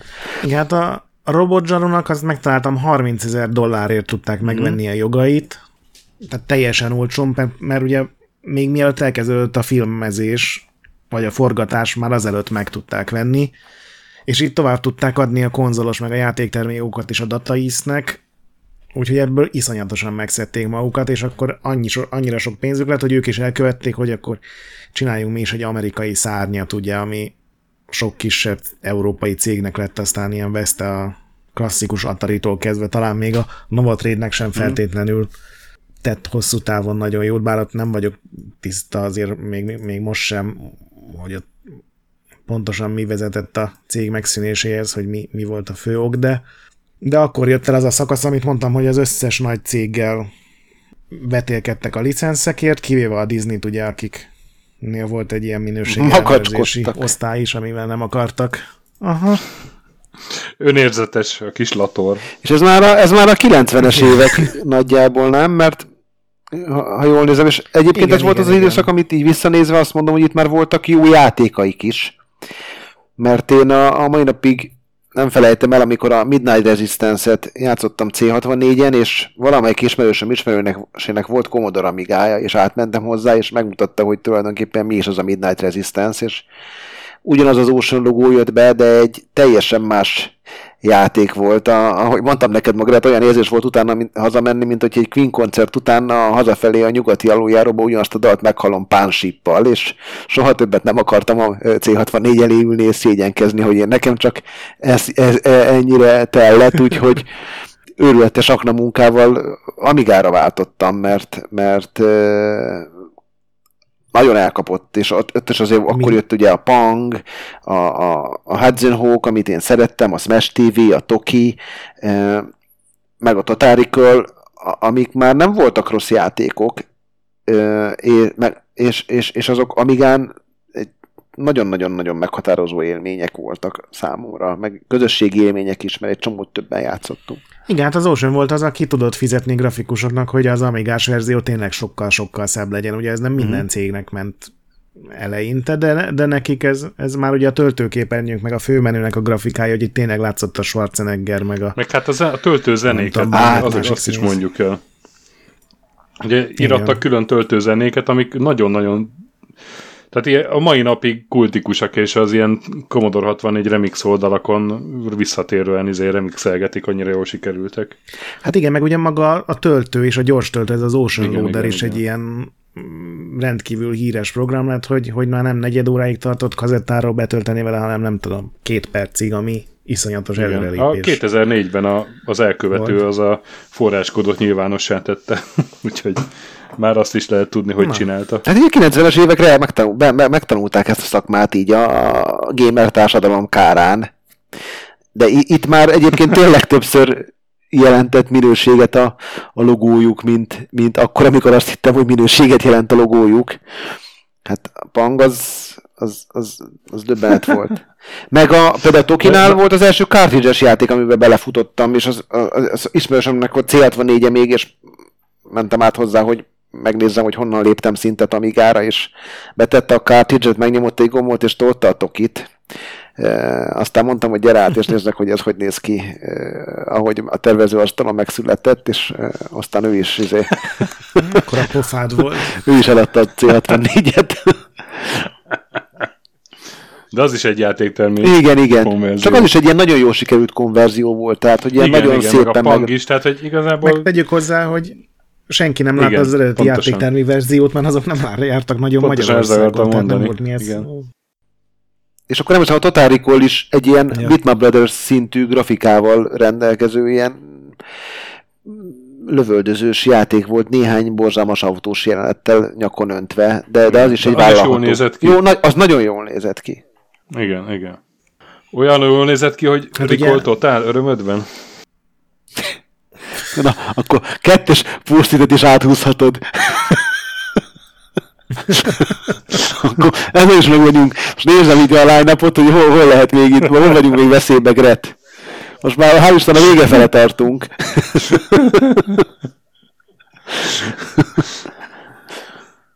És én azt vettem észre így a, a line hogy a 90-es évek 91 ez egy ilyen nagyon erős évnek tűnt, és 92-ben már jóval kevesebb játékot találtam, hogy ott lett volna egy ilyen visszaesés, de ez lehet, hogy csak azért volt, mert hogy nagyobb, több időbe tellettek a fejlesztése. Hát a, igen, igen, a, a, a, az újabb platformokra, ugye nyilván a máshogy is készültek a játékok, már több idő, több ember kellett hozzá, és valahogy ezt a akadályt nem tudták jól venni. Nekem, nekem így az jött le egyébként. Igen, a, a kötetben is a legtöbben azt mondják, hogy akik még ott voltak, egyébként a két tulaj az ott volt a legutolsó uh-huh. évig, amíg ugye majd kitérünk rá, hogy hogy szűnt uh-huh. meg, vagy kivette meg, és hogy a konzolok nem tetszettek nekik, mert egyrészt ott is iszonyatos minőségi ellenőrzés volt, plusz még ott volt ugye, hogy a Nintendo-nál egy karácsonyi megjelenést azt augusztusban le kellett adni, és meg kellett mondani, hogy hány példányban kéred, és legfeljebb három év múlva lehetett belőle újat gyártani, vagy ha meg nem fogyott a dolog, akkor rád rohadt több százezer kártya, amivel a Nintendo aztán nem vásárolta vissza. Úgyhogy ott azt mondták, hogy a konzolpiac az nekik ezért nem, nem lett sikeres, mert, mert egyszerűen túl nagy ráfizetés volt, meg ugye ott kezdett el a PC 92-3 körül a Doom-mal főleg uh-huh. ugye elhúzni a összes többi platformtól, és nekik az összes többi platformon volt gyakorlatuk, ott volt elég az a szint, amit hoztak, ami, ami néha megütötte, hát ez nem is olyan rosszat, de azért volt nagyon sok szarjátékuk, tehát azért nem beszélünk mindenről, és tök is mondtam, mennyi játékuk volt? 178. 140, vagy mit mondtál? Borzalmas. Hát abban azért bőven voltak nagyon gagyi igen, igen, szemetek. Egyébként nekem az egyik nagy kedvencem tőlük, az 92 volt, és nem tudom, hogy ez játéktermi automata volt-e, vagy egy saját fejlesztés, ez a pushover, amiben egy kis hangyával kellett dominókat oh, hát. állítgatni, és az volt a cél, hogy az összes ledőjön, és az szerintem a mai napig egy, én alig várom, hogy azt valaki remasterelje és csinálja hozzá plusz X pályát, mert, mert az, az zseniális volt. Volt róla mining sasa. Na hát gondoltam, ez olyan, mint a Pandora's Box. Igen. az egy nagyon jó játék különben. Igen. Meg a Golden Axe is. De ugye az is uh, kijött SNES-re, és ott azzal nagyon sok Igen. Facebooknak el. Hogy ott, ott több verzi, tehát ott, ott több példányt rendeltek be, mint amennyi elfogyott, mert ugye a pushover ez tök jó volt arra, hogy Amigán vagy, vagy PC-n eljátszogassál vele, de az, hogy fizetni érte 50-60 dollárt, miközben ott vannak a Square-nek, vagy a Nintendo-nak, vagy a bármelyik más ilyen óriás cégnek a játékai ugyanannyi pénzért, az egyszerűen nem, nem fogyott annyira. Hát igen, ezt így Tehát szerintem itt ezzel már kijött, hogy a, az Ocean-nek a szintje az nem feltétlenül tud az abszolút AAA büdzsés játékokkal Igen. vetélkedni. És Még egy-két jó villanásuk volt. A, az Epic az például 92-ben az Arról is az nagyobb, nagyot szólt, arról is volt mindig. Az, az se jó ma már úgy visszanézni feltétlenül, de emlékszem, akkor óriási szám volt, és az első játék volt, ami azt hiszem, amire a 576 az ilyen max pontot adott, ilyen 100-ból 100 Hát figyeljetek, nekem ehhez az korszakhoz a legnagyobb csalódás tartozik, mert ugye abban az időben, ugye mi történhetett, hogyha nem volt egy jó egy játék, letörölted a lemezt és fölvettél helyére egy másikat, és ugye a pushover után ugye akkor azt gondoltam, hogy ők milyen jó puzzle játékokat képesek csinálni, és ugye akkor infót honnan szereztél a guruból, meg a, a, a print sajtóból, és megjelent, hogy jönni fog a Sleepwalker nevű játék, ami egy ilyen Lemmings jellegű, ilyen kis logikai Igen. cucc lesz, amiben egy kutyával kell terelni egy alvajáró kisfiút, és őt kell átsegíteni az akadályokon, mit a lukon átrugni, meg a csatorna felett a, a, mit tudom én, beborítani, hogy nehogy beleessen a lukba a kiskörök, és brutál jó screenshotok, akkor már Amiga 1002 volt, aga mód, tudod azt, hú, hát hogyha aga mód lesz, akkor kétszer is fölveszem, mert nehogy megsérüljön a lemez. És szerintem a világ egyik legrosszabb ö, játéka volt, és ott, ott, ott nekem az utolsó ö, Ocean emlékem a, igen, az Epic igen. mellett. Ez nagy bukás is volt. Különben. Hát igen, a, akkor már ugye már Magyarországon is több újság volt, és azért a, már itthon is előfordult, hogy a, a nagyon szar játékok megkapták ezt a visszajelzést, és a, de akkor még nyilván nem az volt, hogy akkor nem veszem meg, hanem akkor le se varezolom. Igen. De Európában ez akkor a, nem veszem meg kategóriába került, amikor igen. már tényleg Németországban is, meg Angliában is már 10-20 újság volt. Hát igen, meg ebben a korszakban azért konzolfrontról már mellé tudtál tenni olyan játékokat, amikhez képest ezek a játékok mini játéknak tűnhettek. Mert egy Robocop 3 is, ami így nekem egy, egy, egy, egy olyan élmény meg emlék, ami, a, ami azért még a ma, ma is eszembe jut, de egyébként egy tök egyszerű, poligonos, lövöldözős játék volt, semmi más nem tudott, mint egy autóval tudtál menni, meg célkeresztel lövöldözni, és az, az időben már mondjuk eh, Nintendo-n. Hát igen, de azt el, az még szerintem a, a Doom előtt megjelent a Robocop igen. 3, és akkor még el tudtad adni poligonokkal, meg hogy igazi 3D van benne. Tehát azt, azt, azt ez vitte el csak, hogy, hogy úristen, ez tényleg a jövő, és itt vagyunk a robotzsaru futurisztikus világában. Igen, egyébként hangulatos volt. De mondom, akkor még ugye nem nagyon hasonlítottuk össze más platformokkal, de ha akkor összehasonlítjuk az év épp legjobb Nintendo játékaival, akkor azért ezek már csúfosan Hát igen, teljesen más volt ez a fejlesztési filozófia. Még egyébként a nyugati nagy kiadóktól, tehát az EA meg az Activision is, meg a nem tudom ki volt még ekkor a Sierra, meg a Virgin, ugye akik ilyen nyugati nagy kiadók voltak, már azok is professzionálisabban dolgoztak talán.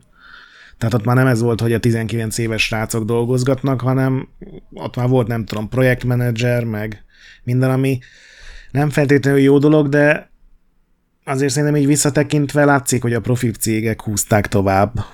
Nyilván nem mindenki közülük. Nekem ebben az egészben az a furcsa, hogy, hogy volt ez a cég, aki a nulláról elindult, és, és volt egy víziója, és azért nagyon messzire jutott, és hogy valahol az úgy menet közben eltűnt, mert, mert amikor semmiük nem volt, akkor, akkor jobban meg tudtak ragadni ezen a, a, a piacon, mint amikor konkrétan tényleg ők voltak, most nevezzük, az, mondjuk vegyük például az IE-t, és hogy ott, ott vajon mit történhetett, ami miatt nem tudták meglovagolni a, a mondjuk a konzoloknak a van lehetőségeket, vagy, vagy, vagy, vagy hol, hol, hol mehetett el az, az egész, hogy hogy lehet ilyen magasról ilyen hamar eltűnni? Hát igen, néhány éven keresztül az Ocean volt a legnagyobb európai játékcég, de nagyobbak voltak, mint az Atari.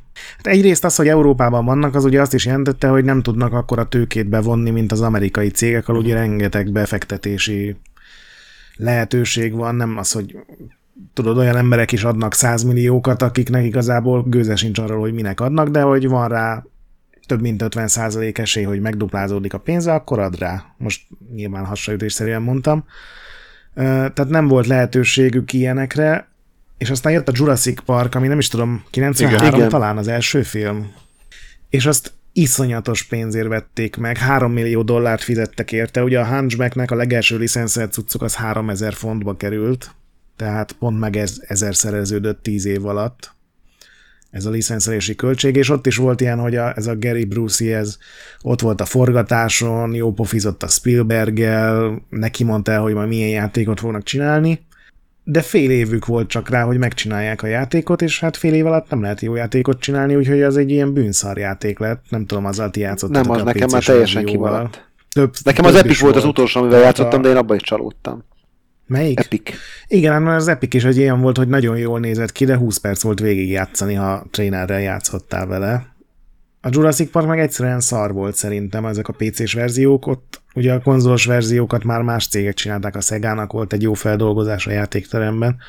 Olvastam egy cikket, hogy az IT-vel Persze, hozzák itt nagyjából párhuzamba, hogy ez, ez, ez volt a, a, az Oceannek az IT pénztemetője. Igen, és az ugye 93, és, és nagyon rossz játék lett, azért mert nem volt rá idő megcsinálni, és ezzel rengeteg pénzt buktak, és ugye ez a 93-94, amikor, és aztán főleg 95, amikor tényleg a 32 bites gépek, ugye a Saturn meg a Playstation beköszöntött, és már esélyük nem volt, hogy, hogy ott így labdába tudjanak rugni, és ami a számítógépeket illeti, hogy 94-5 körül már a Doom-mal kellett meg a Mistel versenyezned, és arra sem volt semmi esély az Oceannek, hogy szerintem egyszerűen az volt a baj, hogy az európai piacon hiába vagy a legnagyobb, az azt jelenti, hogy nem vagy benne a top 20-ban világszerte, főleg akkor nem, mert ugye akkor még a japán cégek De hát kiesett aluluk az. Amiga, akikből ők azért sokat profitáltak, amíg az Amiga Igen. platform volt. És nagyjából velük együtt tűntek el ők is. Igen, és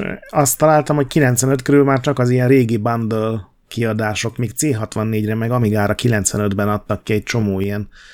Tudod, hogy 10 fontért 40 darab Ocean játék Amigára, meg ilyen válogatások, meg, meg ilyesmik voltak, és ebből nem lehet olyan pénzeket csinálni, ami, amivel tudnál finanszírozni egy olyan játékot, ami mondjuk Playstation-ön, vagy akár PC-n rohadt nagy siker Konkrétan csődbe mentek?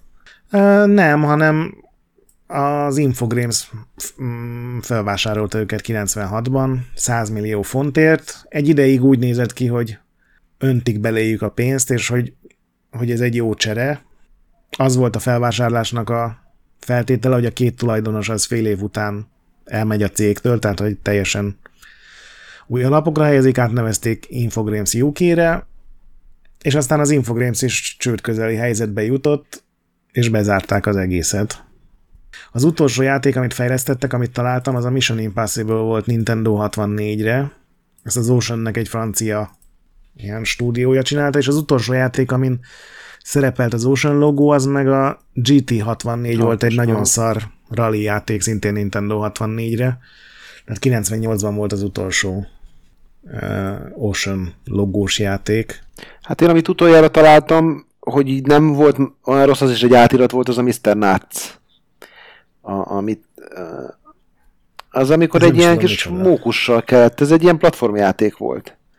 De az még, az még jó review-kat Mhm. kapott meg, de az, az is valamilyen játéktermi automata vagy konzoljáték átirat volt. Ö, és, és végül is, a, ami így visszanézve, ami, ami, ami megmaradt, azok mind, a, amit a Taitótól, meg ezektől vettek át, hogy a, meg a Head Over Heels, amit így talán elő lehet venni, hogy, hogy még ma is klasszikusként emlegetjük, de hát olyan, az olyan sok mindent nem tettek le az asztalra, vagy olyan játékokat, amik viszonyítási pontok lennének mondjuk még akár a korszakból is. Igen, nagyon hasznos volt, hogy léteztek, de igazából, ha így visszanézel, nagyon időtálló dolgot, jó, ők adták ki a Wormsot néhány platformra, vagy ők adták ki a Jungle Strike-ot Amigára, tehát ebben tök fontos szerepet töltöttek be, de szerintem az Ocean miatt volt az, hogy legalábbis amikor én már kicsit így jobban képben voltam így a 90-es évek második felében, akkor már mindenki utálta a filmátiratokat, nem tudom, emlékeztek erre az időszakra, hogy úristen, ebből is csinálnak játékot, hát az biztos, hogy szar lesz, és tök mindegy, hogy ki volt, melyik cég vette meg a jogokat, de volt Hát igen, nem annyira becsülték meg azokat a erős amikkel dolog. élhettek, hanem a, konkrétan a pénzt, minél több pénzt szerettek volna kiszedni belőlük, és ez valahogy megbosszulta magát. Igen, és ez egészen addig a, az a, mi volt a címe annak a játéknak, ami Xbox-ra meg PC-re jött ki, és ez a sci-fi Escape Igen, from Butcher ú, Bay. igen. Tudod, a, hogy az volt az első olyan játék, amire én úgy emlékszem, hogy mindenki azt mondta, hogy egy filmátirat is nem is szar, na hát lehet ilyet is csinálni. Tehát nem csak az Ocean tehetett róla, de azért ők ott voltak az elsők között, akik létrehozták ezt a filmlicensz alapján játék műfajt, és aztán így eléggé be is döntötték. Igen, és egyébként ahogy kezdődött, így a semmiből úgy lett vége. És, és nem tudom, Igen. hogy akkor ez így, És hogy történt, de úgy nem, érz, nem, nem emlékszem arra, hogy ebből lett volna egy ilyen őrült nagy siránkozás, mint mikor mondjuk a Lionhead-et bezárták, vagy az Ensemble stúdiót. Itt, itt ezeket úgy zárták, Nem volt, senki mert- se zavart. mert- azért nem volt, mert volt pár év, amikor, amikor elszürkült az egész Ocean, és így el lehetett Igen. felejteni. Tehát, pedig az, Igen, három-négy év olyan volt, amikor Igen, semmit nem igen. adtak ki, ami érdekelte volna az embereket. még az elején ugye a, az Ima- Imagine-t azt említetted, Gret, hogy, hogy az volt a menő Liverpooli cég, de a, Igen, és aztán és aztán vették az, meg. az elhangzott, hogy az Ocean megvette? Ugye? nem. nem. azt még nem mondtuk, de igen, 85-ben. Mert az ugye is a 85-ben legeleje az. Ocean az konkrétan felvás, fel, felvásárolta, miután ugye az Imagine-nek volt az a kiváló döntése, hogy ők csinálnak majd megajátékokat, amikhez külön hardvert is kell venni, és ezáltal erősebb lesz a Igen. platform, és az nagyon nem jött be nekik, és akkor tönkre Igen, és ez nekik egy ilyen elégtételés volt, hogy az Imagine volt ugye a fiatal Igen. menő srácok, az Ocean pedig ugye a vaskalapos öreg embereknek a cége, és azt ebben a könyvben is ilyen, ilyen még mindig elégtétellel Igen, mondták, hogy, hogy, hogy hát azért má- már csak azért is megvettük, hogy mi legyünk azok, akik megveszik, és aztán a, a Konami játékokat adták ki mindig Imagine aha, aha, logóval. Aha, ja, igen. Meg A, névvel. és az egyik ilyen szerintem voltak megajáték az a akik azt- Bandersnatch volt, ami És hallottam róla.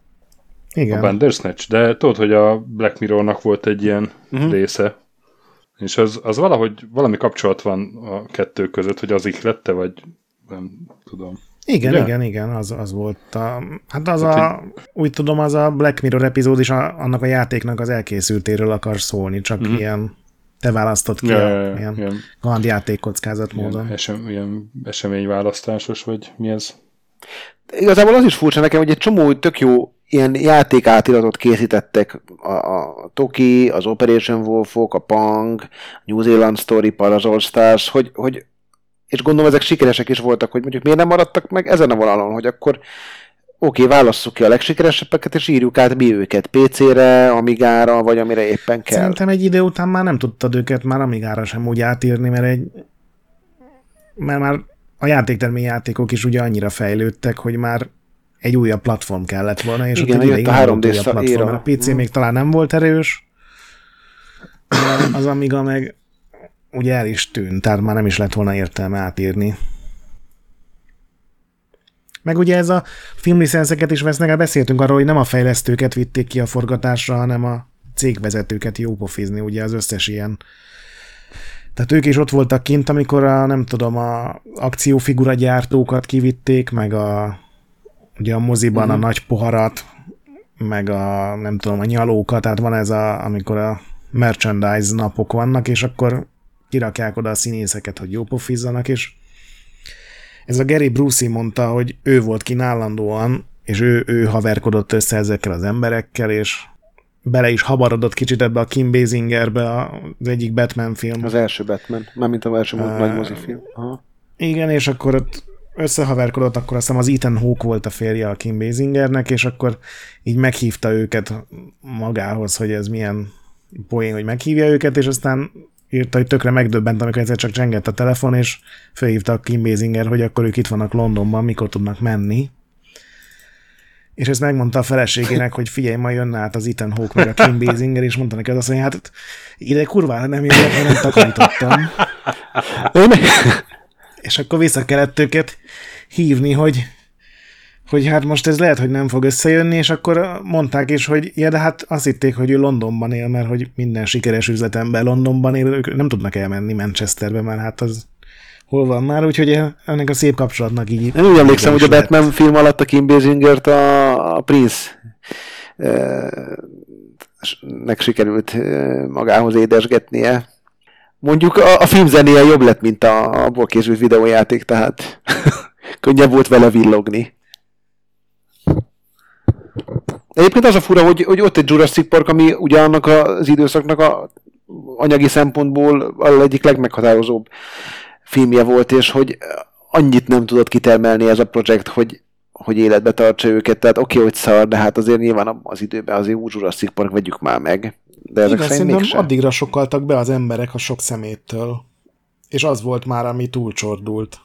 És mivel az volt a legdrágább licenszük, ez egy nagyon rossz nem véletlen, csak egy nagyon rossz egybeesés volt, hogy pont a legdrágábbat sikerült beszívni, és nem a nem tudom, a Miami vice biztos nem fizettek túl sok pénzt, mert kifizetne a Miami vice sok pénzt. Hát igen, nagyjából e- ennyit lehet elmondani az Oceanről. Ennyit a vietnámi háborúról. Igen, és voltak azok a játékok, ugye nagyon kevés, a, egy olyan statisztikát találtam, hogy a teljes történetük alapján több mint 50% volt a filmlicensz, mm. vagy sorozatlicensz, plusz a, a japán játéktermi átiratok, tehát kevesebb, mint 50% volt az eredeti, úgymond, amit ugye Angliából begyűjtöttek, amikor már beszéltünk, hogy a, az Epic, vagy a, de ők adták ki az F-29 retaliátort, meg a TFX-et. Meg a, e, még magyarul is az egyik ilyen repülőgép játék, az, az, az is az ő gondozásukban jelent meg, talán az első magyar kézikönyves játék volt, ez azt hiszem a Eurofighter 2000 ez is az, azt hiszem még Ocean volt. Egyébként olyanok voltak, amilyenek, de az, az, az biztos, hogy a, az, hogy mondjuk most itt veletek beszélgetek, azért az, az, az nekik is köszönhető, független attól, hogy így tényleg visszanézve az életművüket, azért csodálkozom, hogy eddig jutottam velük, vagy eddig eh, életben tudott tartani ez a, ennek a, a, a szakmának a szeretete.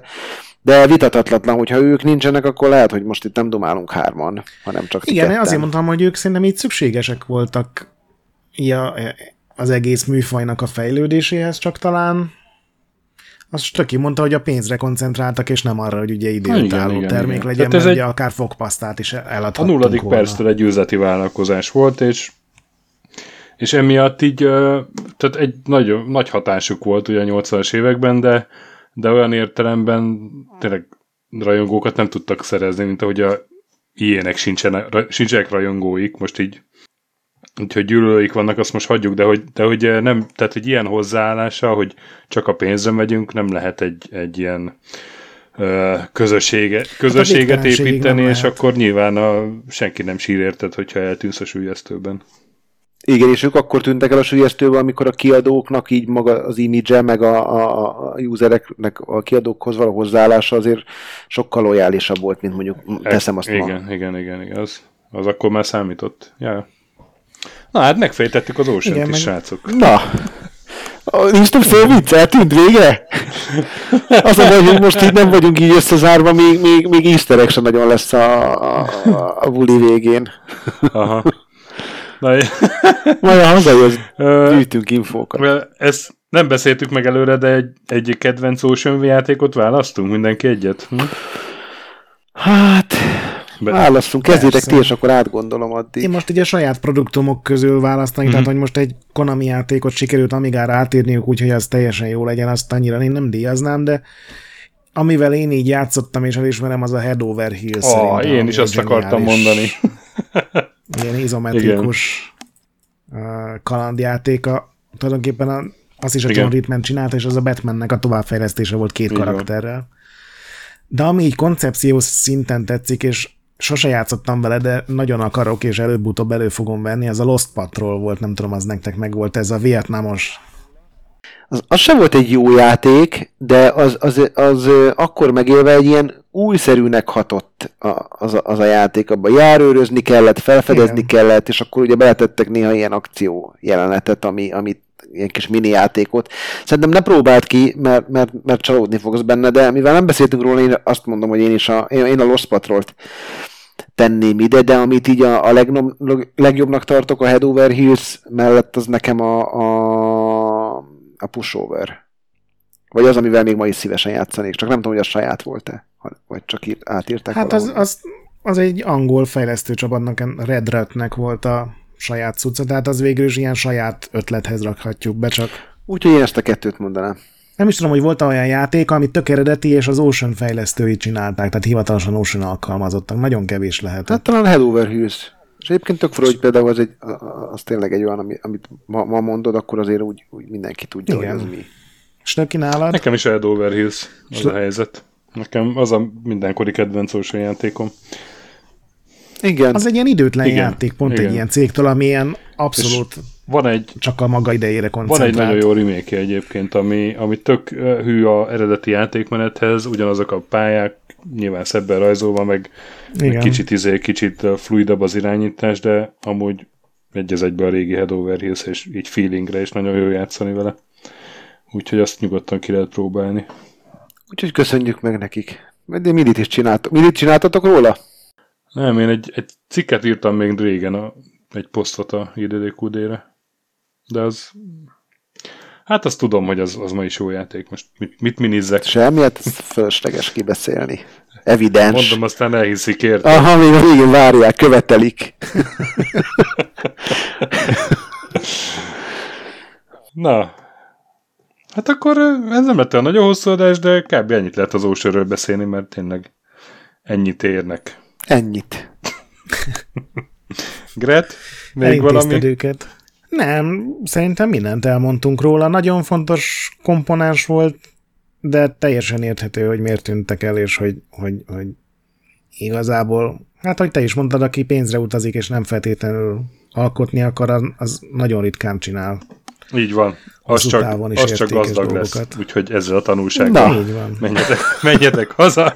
menjetek haza. Gyere haza, fiatal. Mikor jöttök? Megyek, megyek. azért. Megyek, jövő, jövő héten otthon lesz. Na, akkor ablakok becsukódnak. akkor ütközünk a gosduban. Ígér, Na, ígérnek, fel... hogy így jössz ezzel a, ezzel a fel, felveszünk torimitátor külsővel. Jó, jó. A csajom szerint Kossuth Lajos, de a torral jobban kiegyezek.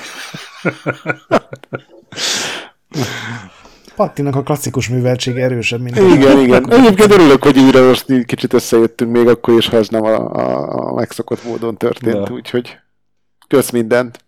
Na, úgyhogy legközelebb jövünk uh, minivel, mégpedig egy magyar játékkal.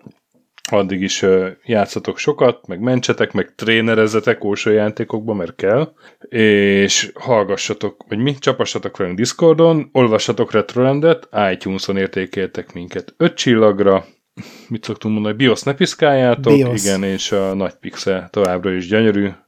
Köszi, Sasa, sziasztok! Sziasztok! sziasztok.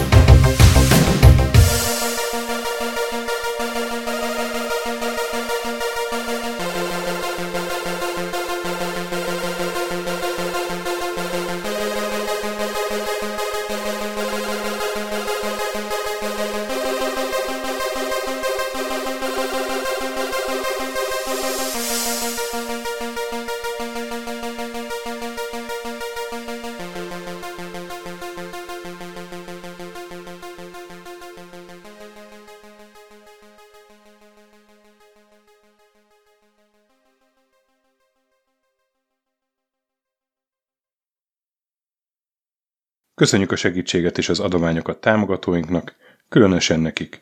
Andris 1 2 3 4 5 6 Pumukli, Bastiano Coimbra de la Coronilla y Védó, Kis András, Dester, Joda, Kínai, Gac, Hanan, Zsó, Takkerbá, Flanker, Dances with Chickens, Gabez Mekkolis, Hardy, Sir Archibald a Réten, Módi, Nobit, Sogi, Siz, CVD, Gáspár Zsolt, Tibiur, Titus, Bert, Kopescu, Krisz, Ferenc, Colorblind, Joff, Edem, Kövesi József, Hollósi Dániel, Balázs, Zobor, Csiki, Suvap, Kertész Péter, Richard V, Melkor 78, Nyau, Snake Hughes Boy, Vitéz Miklós, Huszti András, Vault 51 Gamer Péter, Valaki, Mágnesfejű, Daev, Conscript, Kviha, Jaga, Mazi, Tryman, Magyar Kristóf, FT, Creed 23, Invi, Kuruc Ádám, Jedi, Harvester Marc, Igor, Inzertcoin Egyesület a videójátékos kultúráért, Maz, Mr. Corley, Nagy Gyula, Gergely B., Sakali, Sorel, Naturlecsó, Devencs, Kaktusz, Tom, Jed, Apai Márton, Balcó, Alagi úr, Judgebred, László, Kurunci Gábor, Opat, Jani bácsi, Dabrowski Ádám, Gévas, Zabolik, Kákris, Alternisztom, Logan, Hédi, Tomiszt, Att, Gyuri, Révész Péter, Lavkoma Makai, Kevin Hun, Zobug, Balog Tamás, Enlászló, Capslock User, Kovács Marcel, Gombos Márk, Valisz, Tomek G, Hekkés Lángos, Szati, Rudimester, Sancho Musax, Elektronikus Bárány, Nand, Valand, Jancsa, Burgerpápa Jani, Arzenik, Deadlock, Csédani, Time Devourer, Híd Nyugatra Podcast, Lavkó Maruni, Makkos, Estring, Csé, Xlábú, Kacúr Zsolt, Gusz, Simon Zsolt, Lidérc, Milanovic, Ice Down, Typhoon, Flexus, Zoltanga, T-ben 88, Laci bácsi, Dolfi és Omega Red.